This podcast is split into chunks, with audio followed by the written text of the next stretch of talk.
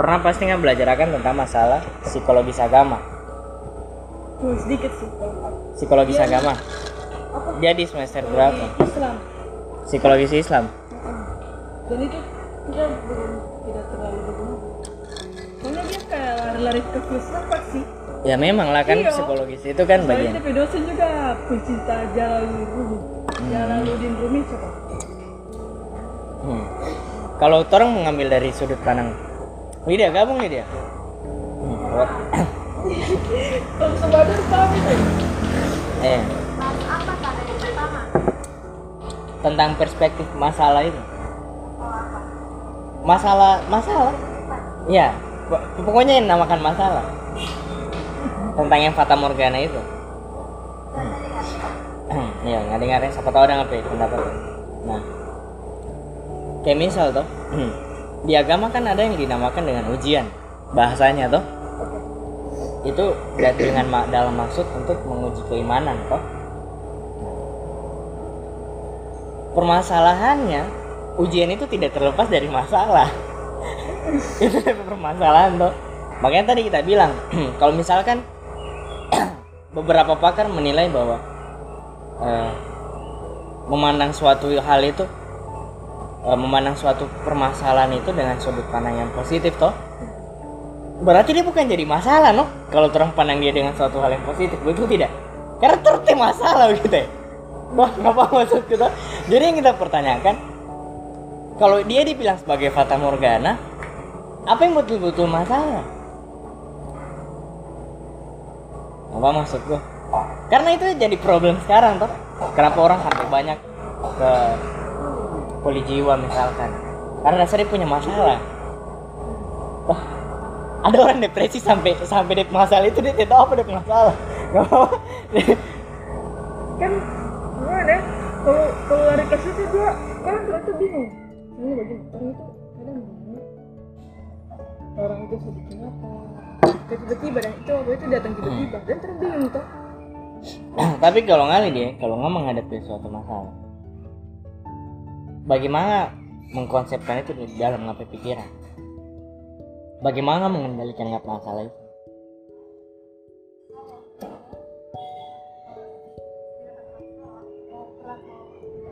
Hmm. Hmm.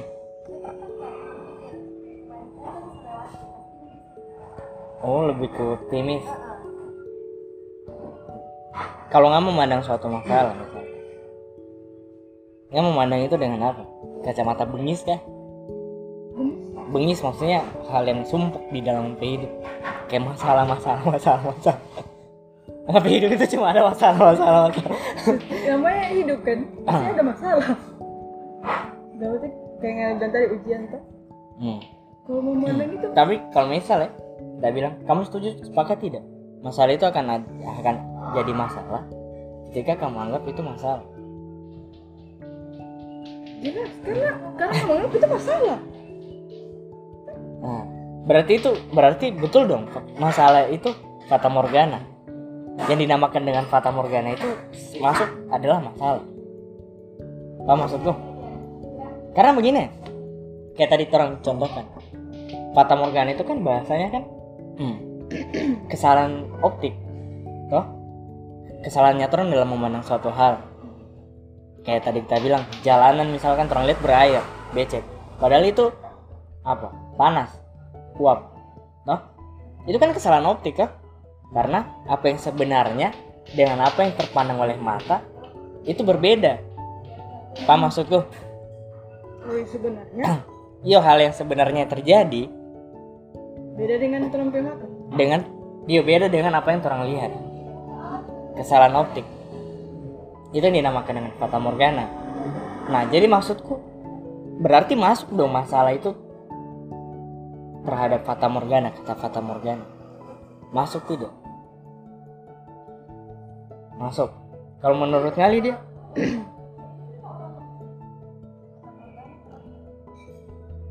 masalah itu masuk tidak dalam bahasannya fata morgana? Kesalahannya orang dalam memandang. Jadi kayak orang dapat masalah orang-orang yang kebanyakan stres itu karena kesalahannya orang dalam memandang suatu hal. Masuk. Bisa masuk bisa. Tergantung kayak bagaimana. Oh tergantung orangnya. Hmm, tapi apa yang membuat manusia susah?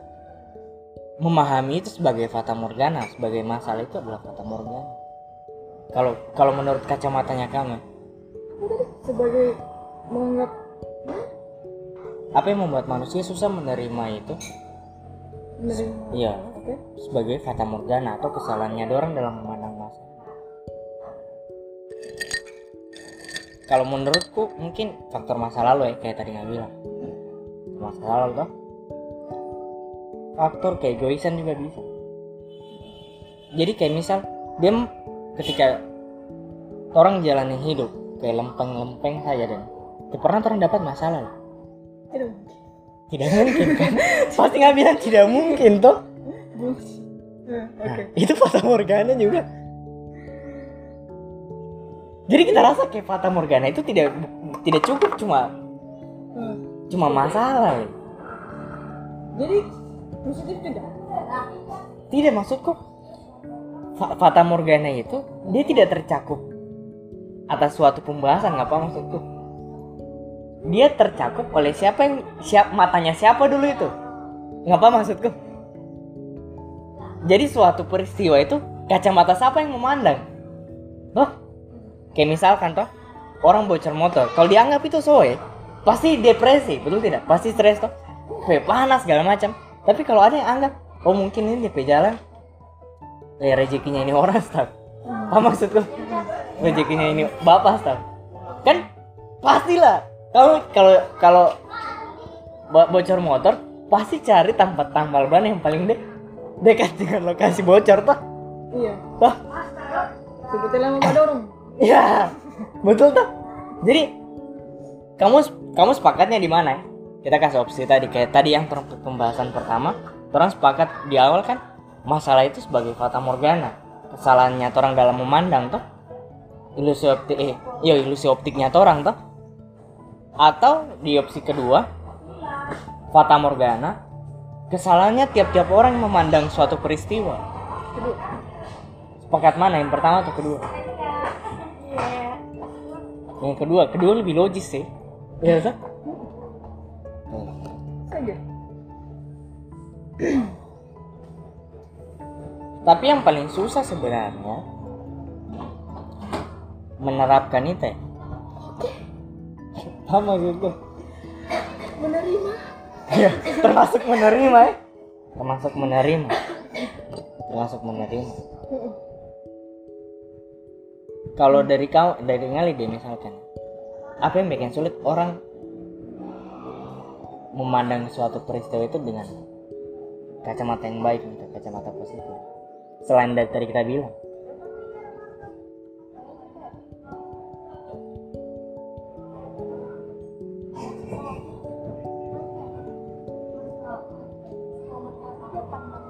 oh semua masalah itu dipandang, oh dipandang. Kalau dari nggak, kalau dari nggak,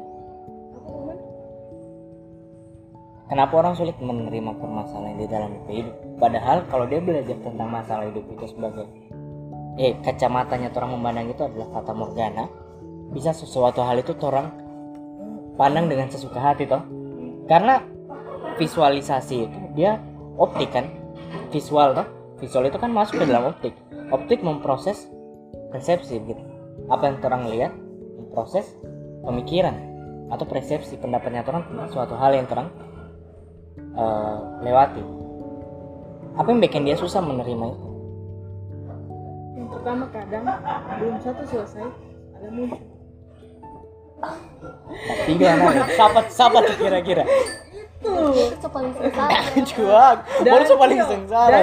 Namanya ini manusia punya perasaan punya perasaan pasti mau suka ya harus menyakiti kita Hmm. Cong, kita ini ada masalah, cong ini. Tapi kira-kira kita tanya sana ngap banyak kali tidak fata morgana.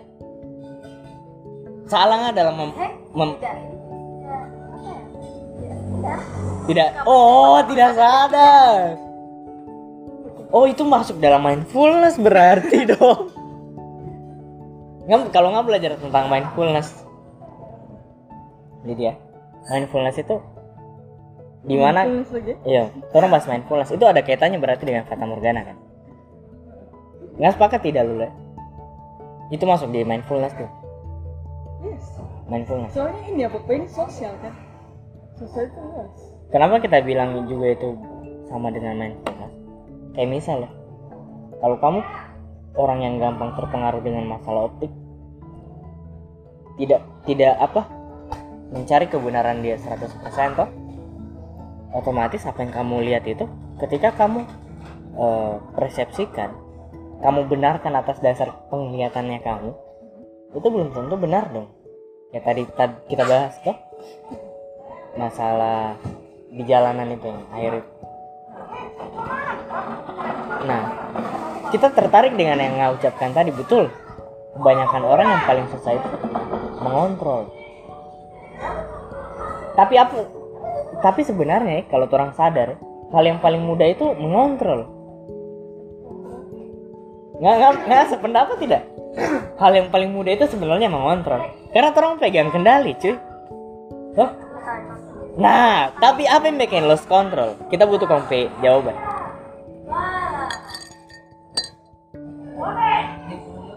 kembali ke self control tadi terus belum bisa mengontrol diri kadang karena yang paling susah itu menghadapi diri tuh nah ketika menghadapi sesuatu itu orang belum bisa pahami Belum apa?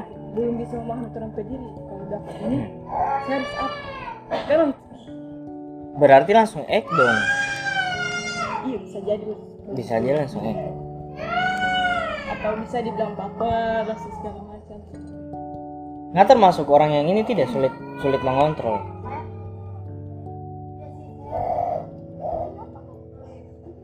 Iya.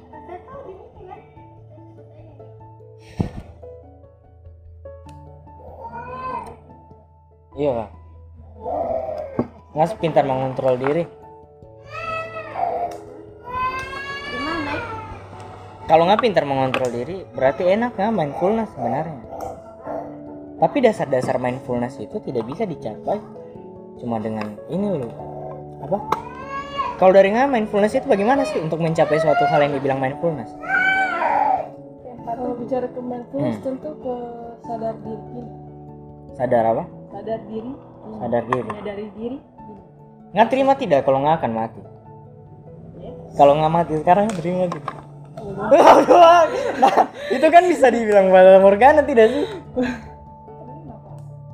Oh memang asal mau suka mati dari dulu le Nggak yang paling depresi le Orang bilang jangan dulu. Saya menerima kenyataan yang Allah kasih kalau saya mati sekarang. Eh baru nggak menerima kenyataan le iya. Oh iya sih betul lebih Fata Morgana lah yang daripada yang lain le Memang kesalahan memandang persepsi nggak paling paling beda memang memandang jalan hidup ini. Tapi tidak tapi iya coba kita kasih alasan kasih alasan kita. Kenapa nggak terima?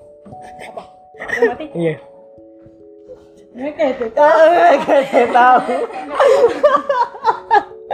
Kalau bicara mati ini kayak kayak berat begitu ya.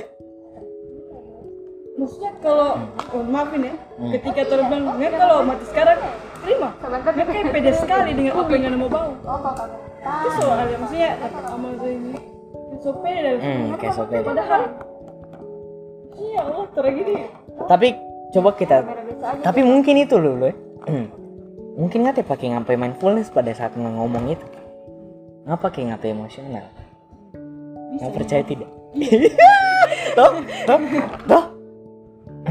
Pada saat nggak bilang pada saat nggak bilang nggak terima kita tanya tadi tuh apa tadi kita tanya? Di awal? Eh nggak siap mati tidak nanti? Pasti nggak bilang siap toh. Sekarang nggak tahu last ending dari manusia itu dead. Toh? Di situ apa kayak ngapain mindfulness betul tidak pada saat kita pertanyaan kedua kita sasar di emo. Emosi dan jawabanmu adalah ti- tidak. Nanti itu kan nanti. Dia tuh tahu kapan kita ngapa maksudku bisa aja nanti sebentar. Atau nanti dua detik lagi. Baru langsung sesak dia Le. tidak maksudnya. Terus ambil ambil yang kesimpulan saja maksudnya yang mentok loh. Karena yang paling paling susah sebenarnya berdasarkan pengkajian ke hmm, mindfulness yang paling susah dicapai itu adalah menerima kematian itu sebagai jalan hidup. Karena begini kayak tadi kita tanya Nana DP bahasa istilah. Kita tanya nggak sih mati tidak nanti? Nggak bilang nanti nggak pakai ngapain otak.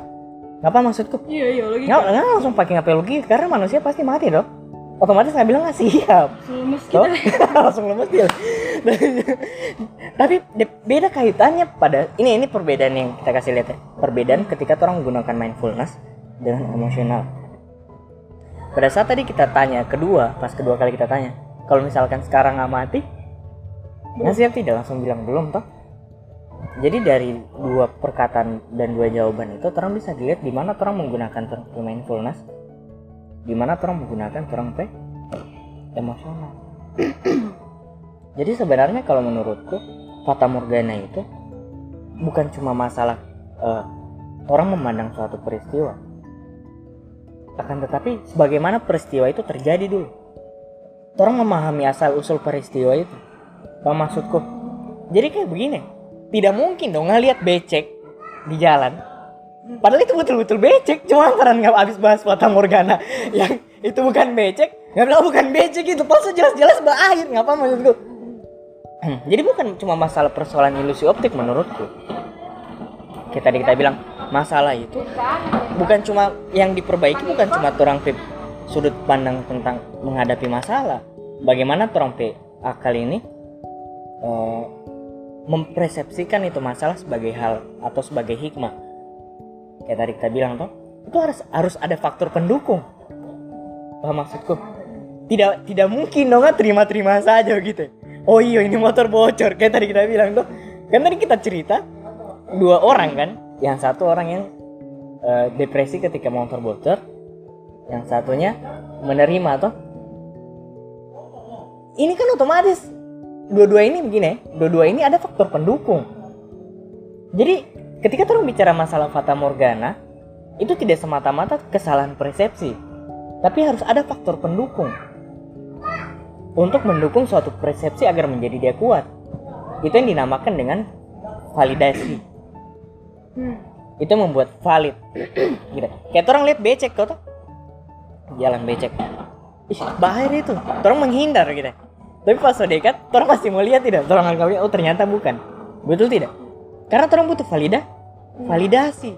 Sayangnya kalau begini, gagalnya orang ketika cuma belajar ini masalah fata morgana, eh, masalah itu sebagai kesalahpahamannya orang dalam memahami masalah tidak ada orang belajar tentang faktor pendukung orang tidak akan bisa sampai di tahap itu sampai di tahap mengambil hikmah dari suatu masalah. Karena tidak akan pernah terjadi kalau tidak ada faktor pendu pendukung. Nah, hmm. Kalau kan kalau kalau bilang kalau kata Morgana itu ada faktor pendukung kan. Hmm. Gimana kalau tidak ada faktor pendukungnya? dia tidak bisa dikatakan fata morgana. Dan itu tidak akan terjadi fata morgana. Kayak tadi kita bilang. Kita ambil ulang kita ulang-ulang itu contoh ya. Itu becek yang padahal akibat uap panas dari matahari becek di jalanan orang lihat. Padahal itu uap dari panas matahari. Itu kan kesalahan ilusi optik. Dan faktor pendukungnya adalah hal itu sendiri. Apa maksudku? Hal itu sendiri yang menjadi faktor penguat yang kembali itu adalah ilusi op optik. Orang butuh validasi. Ketika ngelihat itu becek padahal itu uap kan nggak validasi dulu nggak nggak mbak dekat dulu. Pahami itu betul-betul becek atau tidak? Atau paham ambil maksudku contoh ini jauh teh ayam corona Ayo. ini dicium dulu dah. Ih, kayak kayak kayak begini kayak, kayak misal bulan puasa atau nggak lapar misalkan. Kecoa kan ada pelek kurma. Kecoa- Lapar itu bulan kan itu kan mas tapi tapi itu emang tapi. Kan itu masuk fata morgana tuh kayak kayak fata morgana tuh. Untuk membuktikan itu kurma atau apa otomatis gak bukan talang ya bukan talang maksudnya ngapain validasi ngapain validasi kan. Harus mendekati ke dulu itu barang toh. Kemudian nggak mengambil baru dia langsung jijik le emang tak biji itu aduh Tidak. Intinya kalau masalah yang kayak begitu, dia harus tetap ada faktor pendukung. Jadi masalah itu kan ada asbab. Ya, kayak tadi tuh, masalah itu ada asbab. Nah, asbab itu bisa dijadikan tujuan untuk mengambil persepsi. Sebabnya, toh orang ketika bocor motor yang dia bilang sebabnya dia cuma terikut dengan DP emosi. Dia bilang itu DP hari sih sial. Itu kan? Dia dia ambil faktor pendukung yang itu kan? Jadi tidak ada faktor pendukung lain sehingga dia tidak bisa sabar. Gitu ya. ada orang bilang DP DP sabar selemba apa? Setipis tisu tuh. Karena kan tidak ada faktor pendukung untuk mempertebal itu. Toh makanya kalau dalam memandang suatu hal itu diperlukan faktor pendukung yang kuat. Sayangnya kebanyakan orang kan tidak belajar seintens itu atau se- sedalam itu ya tentang masalah apa yang terjadi di dalam dompet diri ketika emosional. Langsung nah kenapa? Ini ini kenapa kayak ini motor? Besok ini tahu-tahu orang sama ini ini ini ini ini, segala macam. Ya selesai masalah. Karena masalah tidak peduli atau Sa Abis ngoceh. sama dengan itu itu becek. Dia cuma dia cuma menjalankan DP DP apa? Hakikat dan toh jadi dia peduli apa yang kamu mau ngoceh apa. Dia tuh peduli. Jadi yang harus orang pahami dulu faktor pendukung tentang masalah fata morgana. Makanya tadi kita bilang kita rancunya terhadap fata morgana itu kalau orang cuma bilang masalah itu sebagai kesalahan persepsinya orang dalam memandang masalah.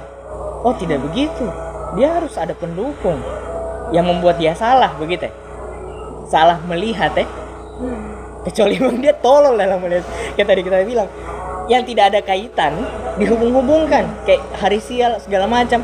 Kan itu hari Sabtu misalnya. Kayak begitu tuh itu kan ketololan yang paling tolol itu tuh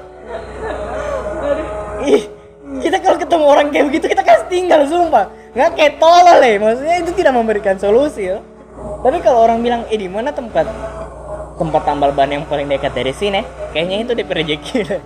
kayaknya DP rezeki lah. sudah. Clear kan itu masalah? Teh banyak cincong. Kan kalau orang ngoceh itu bante naik ulang tuh tidak tak membawa ulang. Gimana dia le? Tak membawa ulang kan teh begitu. Tambah basuhan. iya teh. Baru tambah basuar nih baru baru tambah basuar kalau dari kamu kira-kira ada tidak tambahan mengenai fata morgana? Berarti yang yang kita bilang tadi khayalan tidak itu tidak termasuk. Karena nggak nggak imagine. Nggak imagine ya nggak ban bocor nggak menghayal ini kenapa bisa? Nggak masih kalkulasi dan kenapa bocor? Tadi kita lewat di mana? Apa segala macam. Tapi tapi kan dari yang kita dapat dapat kan sering di TikTok begitu. Hmm. Jadi mengaitkan tentang dompet, kisah percintaan. Hmm. Kamu ada fata morgana itu. kalau itu memang tolol sih menurutku karena yang bahasa teh dikasih masuk di situ dikasih masuk cuma keindahan bahasa begitu ya Oh. yang seharusnya itu tidak ada kaitan itu tidak nyambung sama sekali karena fata morgana itu pembahasannya di dalam filsafat kuat Hmm. kayak begini saja kayu yang lurus kamu kasih masuk di air bengkok toh? Uh, Kalau ingat kita Hmm. dari pembahasan dosen deh.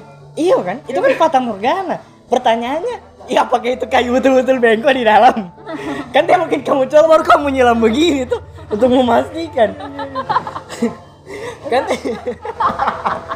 kita kita teh bayangkan kalau kamu meneliti setolol itu le.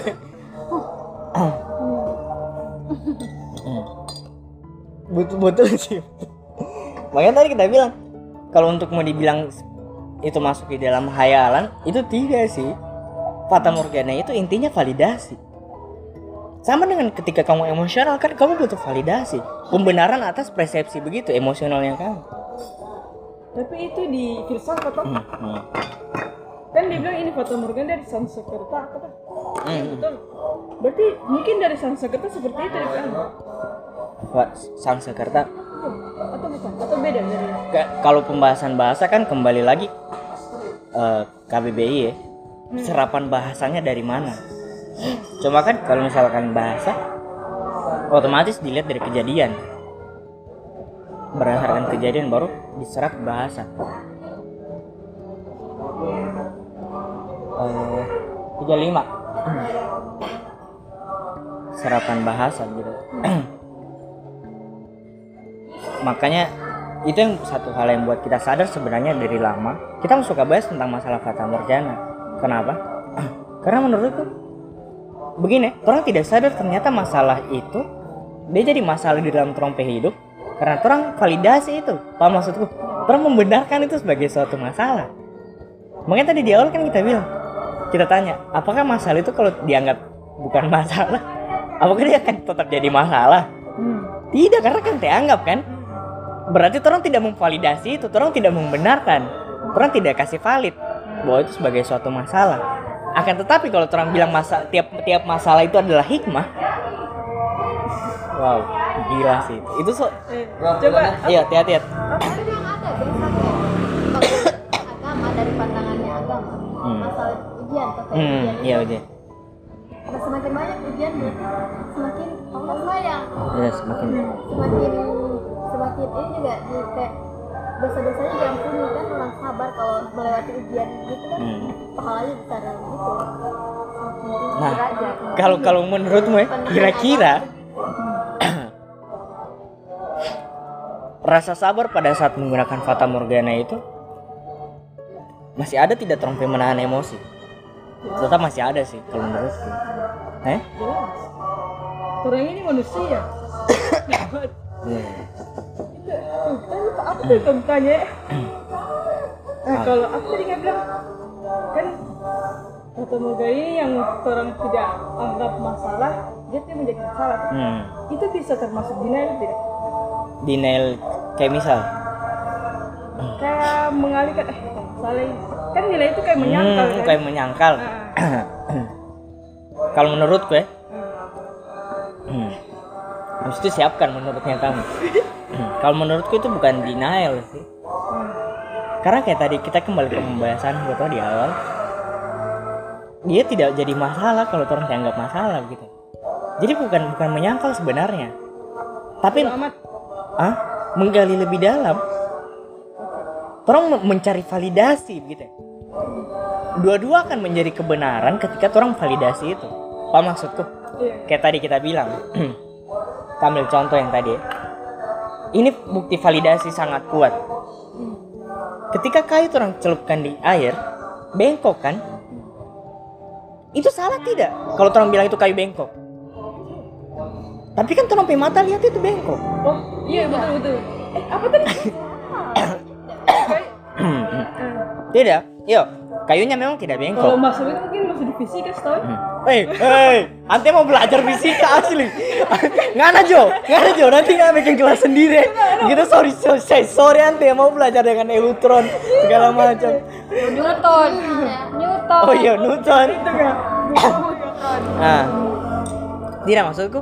Walaupun itu, walaupun, nah kita masuk, kita masuk, kita masuk. Kayak nggak bilang salah kan tadi toh? Kalau orang bilang itu bengkok toh? Dalam kacamatamu, paham maksudku? nggak memvalidasi itu bahwa itu tetap kayu tidak bengkok. Tapi dalam kacamata orang yang bilang ngalia itu ya bengkok. Nggak mau kebantaran dia kira-kira. Pasti nggak suruh kasih keluar dulu itu kayu toh. Coba tahu dulu itu kayu nggak lihat toh. Makanya dia bilang setengah mati setengah mati sebenarnya orang mau bakal tahu sama orang. Karena salah satunya itu optiknya dia dengan optiknya orang beda betul betul. Kita sepakat ya nggak bilang itu teh bengkok gitu. Tapi kalau kita yang colok kita bantah juga. Eh nggak ada lihat nggak nggak pakai nggak mata gitu. Toh jalan satu-satunya adalah melihat itu validasi yang mana kalau menurutku. Jadi kalau dibilang itu denial atau menyangkal sebenarnya tidak. Dua-dua validasi. Cuma kan orang berhak memilih kamu memvalidasi yang mana? Yang salah atau tidak? Kayak misal marah sampai bawa pukul segala macam merusak barang. Itu kan salah toh tapi dalam perspektifnya dia betul. Karena dia memvalidasi. Mungkin emosinya iya karena situ. kita emosi gitu. Dia mau menunjukkan bahwa dia emo emosi. Iya menjelaskan sampai dia rusak barang. Ngali ini tapi HP rusak kita banting. Dia mau menunjukkan bahwa dia marah sampai banting HP begitu.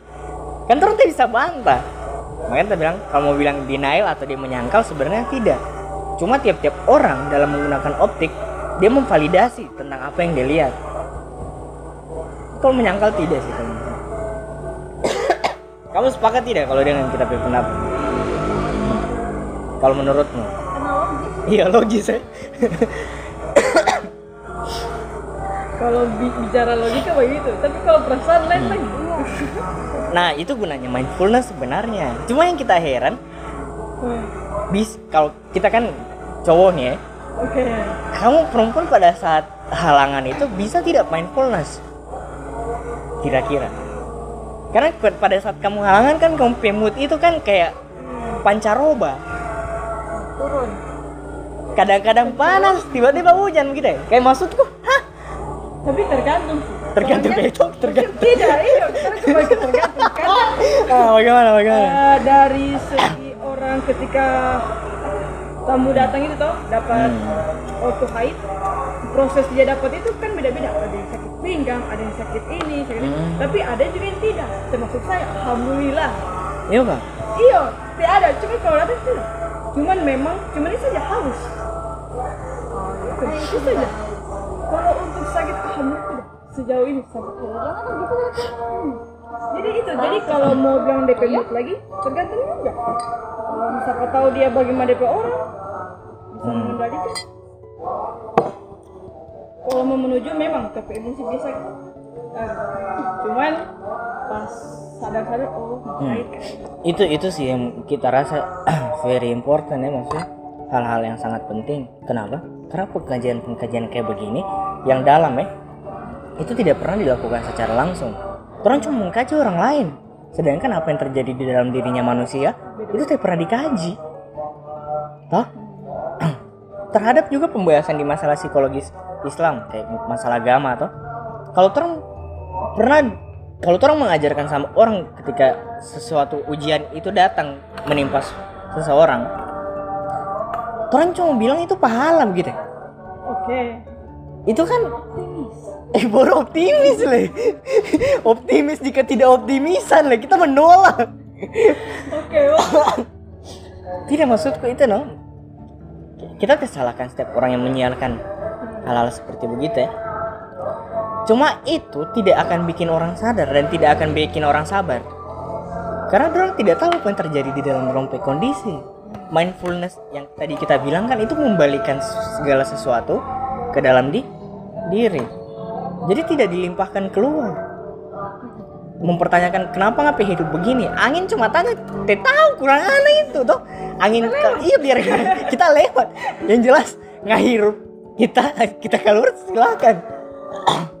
Jadi itu yang kadang kadang-kadang apa eh, kesalahpahamannya orang memandang dunia ini seperti apa. Mengakibatkan orang pertanyaan lebih jauh. Paham maksudku karena yang harus ditanyakan ke dalam yang ditanyakan paling penting itu kan ke dalam bukan keluar. Oh kayak kayak misal ada suatu peristiwa yang mengguncang orang lah. Baru orang tanya kenapa orang hidup begini ya Allah? Padahal orang ditanya orang diri nggak terima tidak dengan apa yang terjadi di ngapai hidup? Kira-kira dari ngapai sudut pandang nggak bicara dari diri tuh hikmah apa yang bisa ngambil di sini? Apa manfaat apa yang apa yang eh, berpengaruh besar? Karena ti- negatif dan positif itu akan berbawaan. Sekalipun dia berat sebelah ya itu akan berbawaan. Iya iya. Jadi kayak misal ada yang bilang jodoh itu cerminan diri sendiri. Betul negatif positif. Itu yang membuat balance. Kalau nggak dapat istri pemarah misalkan pasti ada laki-laki penyabar baru baru, baru ada yang anak bilang- pajis kalau dimarah. Eh anak PSW kalau dimarah. Nggak diam dikasih tahu berarti cuma orang segala dulu di, di rentet dia cuma tarik begini baru dia dia makan.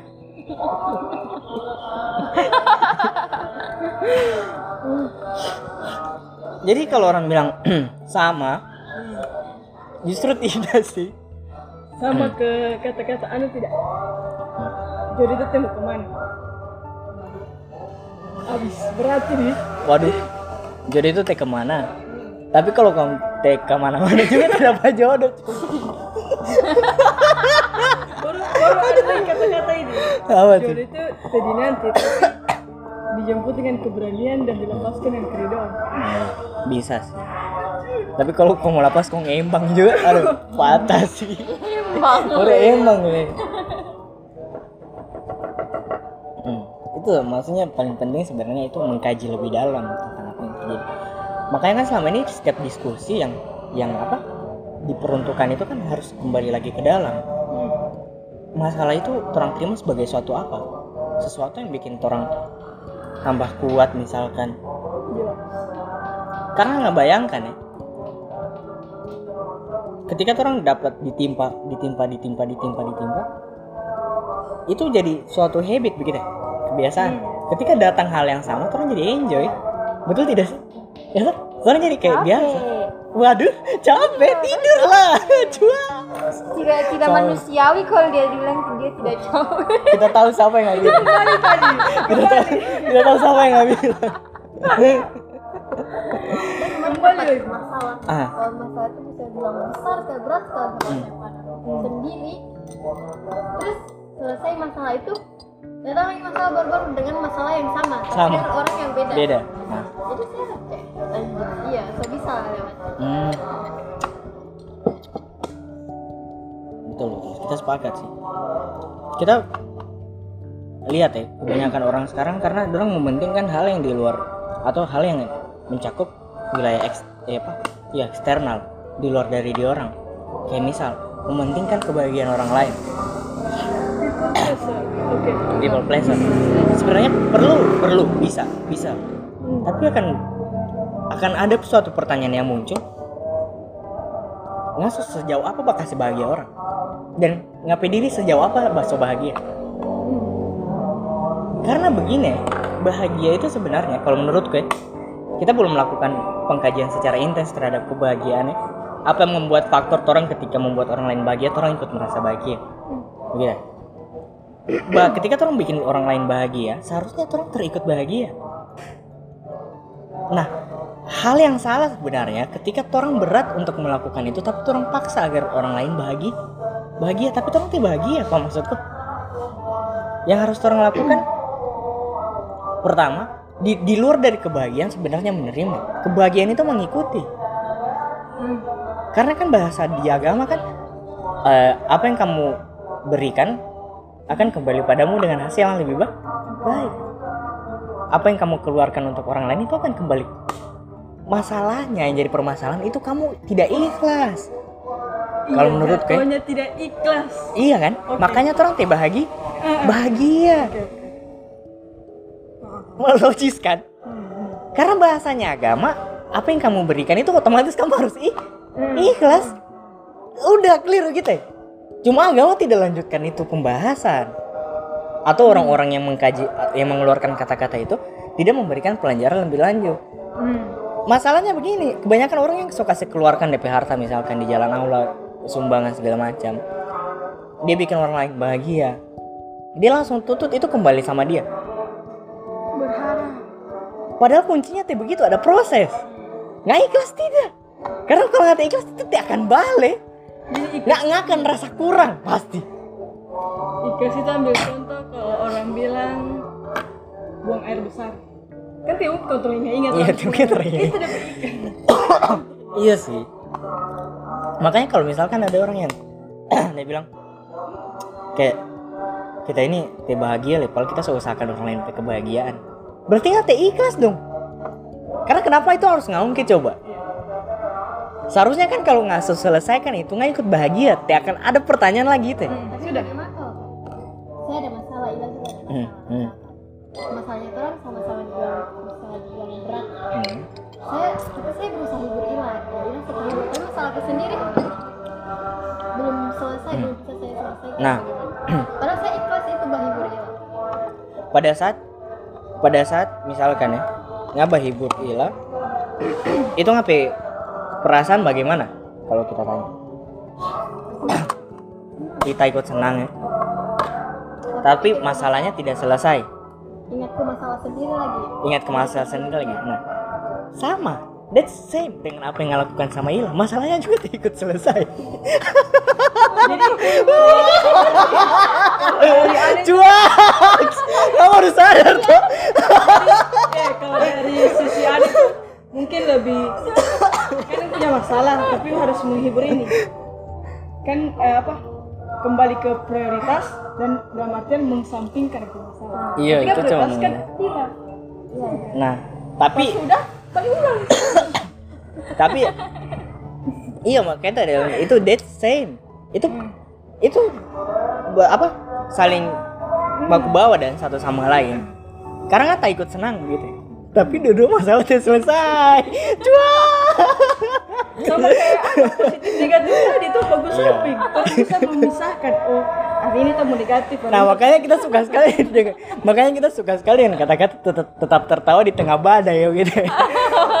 Maksudnya biar biar gempa bumi kamu ketawa dan Iya. ada yang video-video dari TikTok itu biasa kita lihat. Ada hujan. dia merokok di luar bunga apa matahari? Ah. Atau daun pisang kak? Daun pisang? Kenapa? Itu ibarat uh, oh badai goyang. Nah sama dengan orang bilang kan eh, semakin tinggi suatu pohon semakin deras angin hmm. menerpa toh. Sebenarnya pembahasan tidak begitu. Semakin tinggi suatu pohon diterpa angin untuk menguji kekuatan akarnya. Jadi kalau kamu rasa begini kalau orang berpersepsi bahwa orang layak untuk mendapatkan suatu hal ya. Hmm. buah misalkan semakin tinggi suatu pohon kan akan semakin rimbun pohonnya semakin enak untuk dipakai berteduh. Itu yang diuji duluan akarnya. Jadi bukan masalah tentang anginnya bukan masalah angin yang batiupnya. Angin dia tahu apa-apa sumpah. Yang diuji itu kembali ke ke- kekuatan akarnya. Jadi itu yang dibilang kenapa orang harus saling menguatkan satu sama lain